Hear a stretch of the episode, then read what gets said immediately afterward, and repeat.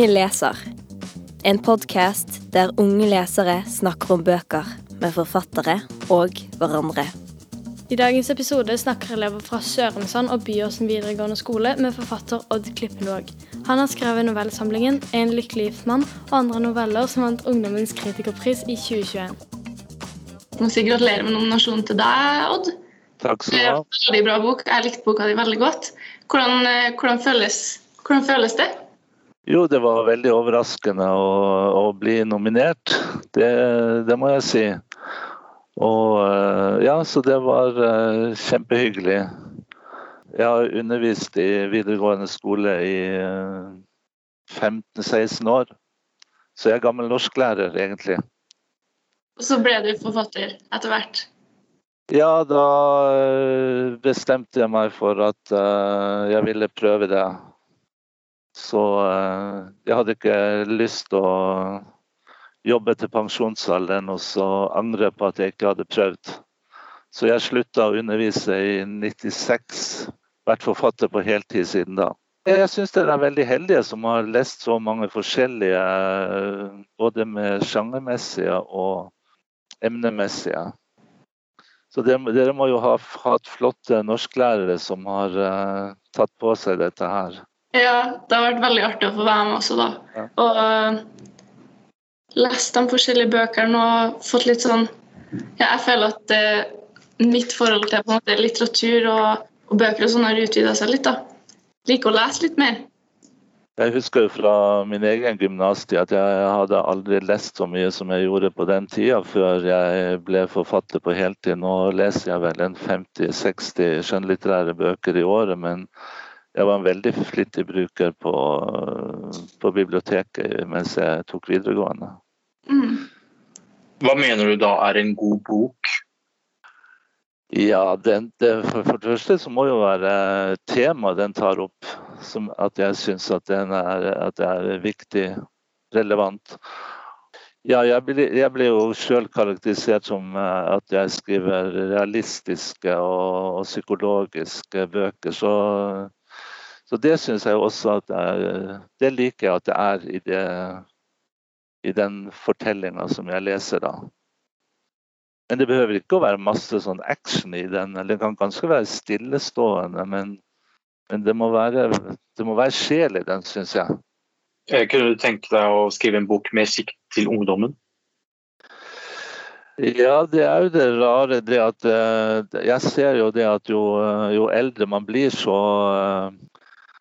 skriver man vel mest kanskje om det som ligger en sånn sjøl nærmest. At jeg skrev, jeg skrev vel mer om yngre personer i starten. At jeg skrev om eh, Ja, jeg har faktisk skrevet et par sånne noveller som har vært i sånne antologier for ungdom. Men eh, jo, men det blir jo Jeg er jo snart 70, så det er jo, det er jo eh, Jeg vet ikke om det er så greit at jeg skulle skrive om en 20-åring i dag. Hvis du skjønner at jeg kjenner ikke eh, virkeligheten deres uh, like godt som jeg kjenner uh, min egen nå. Men samtidig så syns jeg jo også det at, at å skrive om folk som har levd en stund, så, så sitter jo de med en veldig sånn uh, erfaring og vet hvilke dumheter de har gjort. Hos dere så ligger veldig mye sånn framover. Hva dere håper og tror for framtida, f.eks. Men, eh, men, jeg, men jeg tror ikke jeg våger meg på å skrive om en, eh, en 18-åring nå som en, som en sånn hovedperson i en roman. Det tror jeg ikke. Hadde du noen eh, rollemodeller på den tiden? da? Jeg vil si at, at det har vært veldig mange lærere som har betydd veldig mye for meg. Fra jeg eh, gikk i, eh, på barneskolen at, eh, at det var en lærer som på en måte så meg og, og så at jeg hadde lyst til å fortelle. Og, så han tok opp en masse på sånne gamle lydbånd, vet dere, med sånn spolebånd. Ting jeg fortalte. Så det det har jeg faktisk hørt etter at jeg ble voksen. Så han, han så den der fortellergleden jeg hadde. Jeg var kanskje eh, ganske sånn eh, ja, stille, rolig, ensom unge da, i oppveksten. Men, men, det var veldig fint å få ut alle de uh, tanker og, og, ting som man gikk og lurte på. Og, og jeg, ganske morsomt å høre at jeg babla i vei. Så den der uh, lysten til å fortelle, det, det, tror jeg har vært uh, fra tidlig av. Har du alltid likt å skrive bøker? Ja, det, det må jeg si. Det, det, har jeg gjort. Så uh, det var jo veldig tøft når jeg hadde full stilling på videregående. og Da ga jeg ut nesten annethvert år likevel. Men man merker jo når man blir eldre at at energien kanskje ikke er like sterk når man er 25 eh, som når man er 65 osv.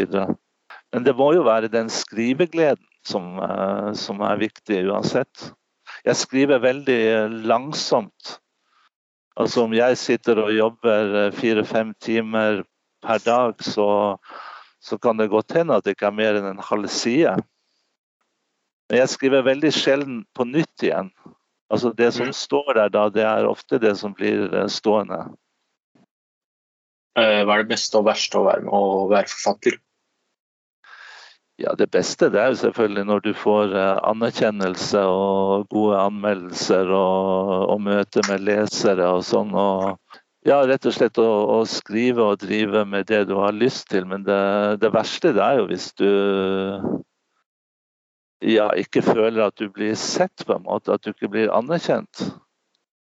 Og det må jeg, det må jeg jo si at i Norge, selv om vi er uh, fem millioner, så ja, jeg tror at hvis dere gikk ut på gata og spurte om de kunne nevne 15 eh, norske skjønnlitterære forfattere, så det er ikke sikkert at, at alle kunne gjøre det.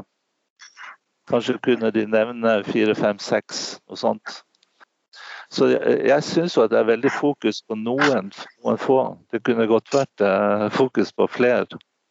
Men det har jo med hele mediesituasjonen å gjøre. altså hvor, hvor, mye stoff er det om kunst, litteratur, musikk i aviser f.eks.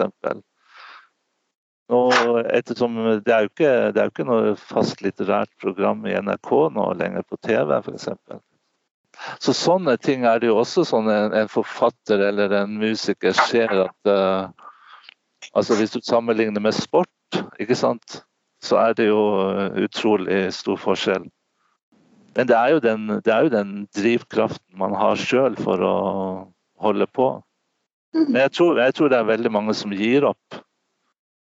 Fordi at det er veldig mange sånn én- og toboksforfattere, og så ja, jeg husker jeg, husker jeg snakka med Ingvar Ambjørnsen en gang. For det er, det er kona hans faktisk som uh, oversetter bøkene mine til tysk. Og da, da sa Ingvar at uh, det er ikke så mange som skriver uh, eh, 20-25 bøker osv. Har du noen prosjekter på gang nå, eller har du noen framtidsplaner liksom, med, som forfatter? Ja, jeg, jeg, har jo, hvis du har sett på hva jeg har gjort før, så har jeg jo veksla litt mellom romaner og noveller. Så nå har jeg begynt på en uh, ny roman, da. Som jeg håper uh, kanskje kan bli ferdig til å gis ut i 22 en gang. Ja. Jeg er jo glad bare jeg, jeg kommer på noe å skrive om.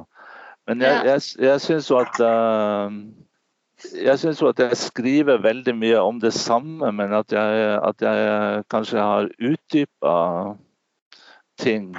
Altså, jeg, jeg starta jo med en, eh, med en kunstnerroman, denne 'Nattbildet' her. og Det var debutboka. Men det er jo, det er jo så det om, Jeg har skrevet om musikere og komponister og, og sånne ting, istedenfor å skrive om en forfatter, kan du si det er jo om eh, nære relasjoner og, og, identitet og forskjellige sånne ting. Så jeg føler at jeg har, har eh, fordypa meg mer og mer i det. Altså Selv om bøkene er forskjellige, så, så er det mye av de samme temaene. Før du starter å skrive en bok, hva slags planlegging gjør du før? Undersøker du litt og finner ut masse før du skriver, eller tar du det litt sånn på sparket? Nei, ja, Det er jo veldig forskjellig ut fra, ut fra de bøkene jeg skal skrive, da, emnet. ikke sant? Når jeg nevner disse komponistromanene, så var det jo et voldsomt uh, researcharbeid. At da måtte jeg føle at jeg kjente disse personene før jeg kunne begynne å skrive. Jeg kunne ikke bare skrive en halv side og så begynne å slå opp i et leksikon hva som skjedde da. eller sånn. Altså, jeg måtte være veldig innpå. Men, men sånn som på den novellesamlinga her nå, så, så, er det ikke så mye sånn research egentlig. Så, så det er jo veldig forskjellig fra, fra bok til bok. Men, men som regel så, så, vet jeg ikke bestandig hvordan boka skal slutte, en roman f.eks det er ofte så kommer det ting under skriveprosessen, at du får ideer og ja, hvordan personen reagerer. Ja. Hva som er naturlig utvikling for dem. Så du veier for og imot og sånn. Så det er det som er interessant ved skriveprosessen, at, at uh, den utvikler seg hele tida. Altså, hvis du hadde visst hele tida hvordan boka skulle slutte, så hadde det jo nesten bare vært noe sånn kjedelig å skrive det ned. Men men det er jo en utvikling.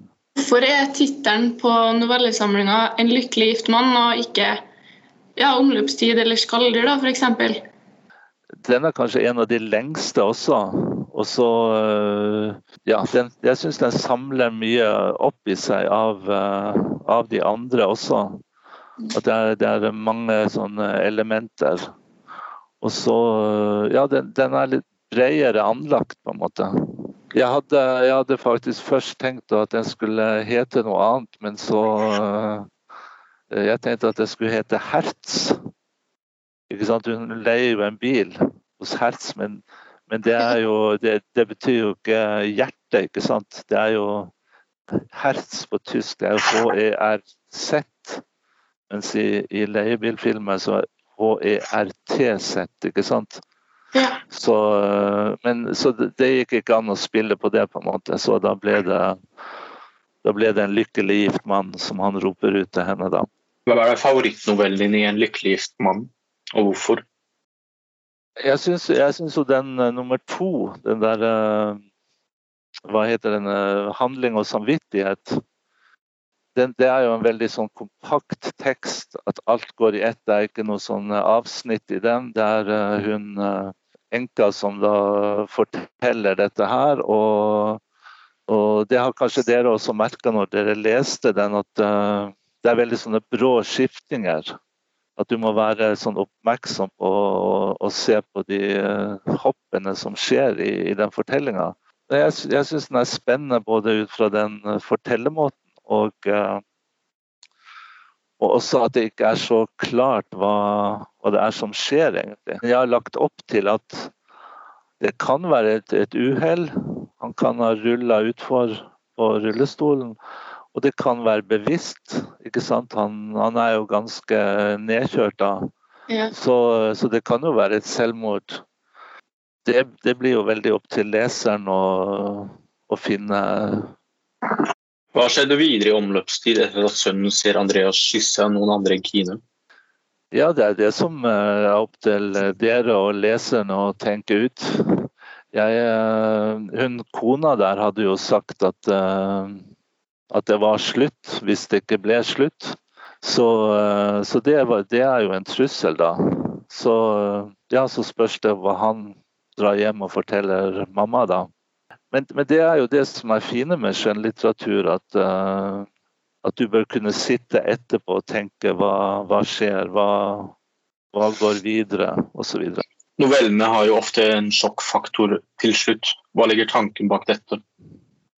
Ja, nå har ikke jeg gått igjennom alle disse her og sett på, men uh, ikke Ja, den første den, den slutter jo med den avsløringa om den incesten da, som ikke broren var klar over. og det er vel ikke så veldig den siste, det er, det er vel ikke så veldig sånn overraskende hvordan det går der. Det er ikke noe sånn sjokkslutt. Det er bare sånn trist at, at hun uh, er blitt syk, da. Bør i hvert fall kanskje slutte med sånn at det, at det kanskje gir en refleksjon til, uh, til leseren, da. Hva håper du leseren sitter igjen med etter å ha lest boken din? Ja, at livet er veldig eh, mangfoldig og ikke så lett bestandig. Men uh, ja, det er, jo, det er, jo, noen som har sagt at det er en veldig sånn ja, ganske mørk bok. En, en alvorlig bok. Men samtidig da påpeka, og det var jo veldig bevisst å ha en mer sånn lysere, mer positiv den siste novellen. Dette eldre paret, altså selv om det er uh, det er et uh, alvorlig emne, det med demens, eller hva vi skal kalle at hun, Johanna får. Da. Så, så, i motsetning til de andre novellene, så er jo, uh, så er jo det mer en, en positiv story, da.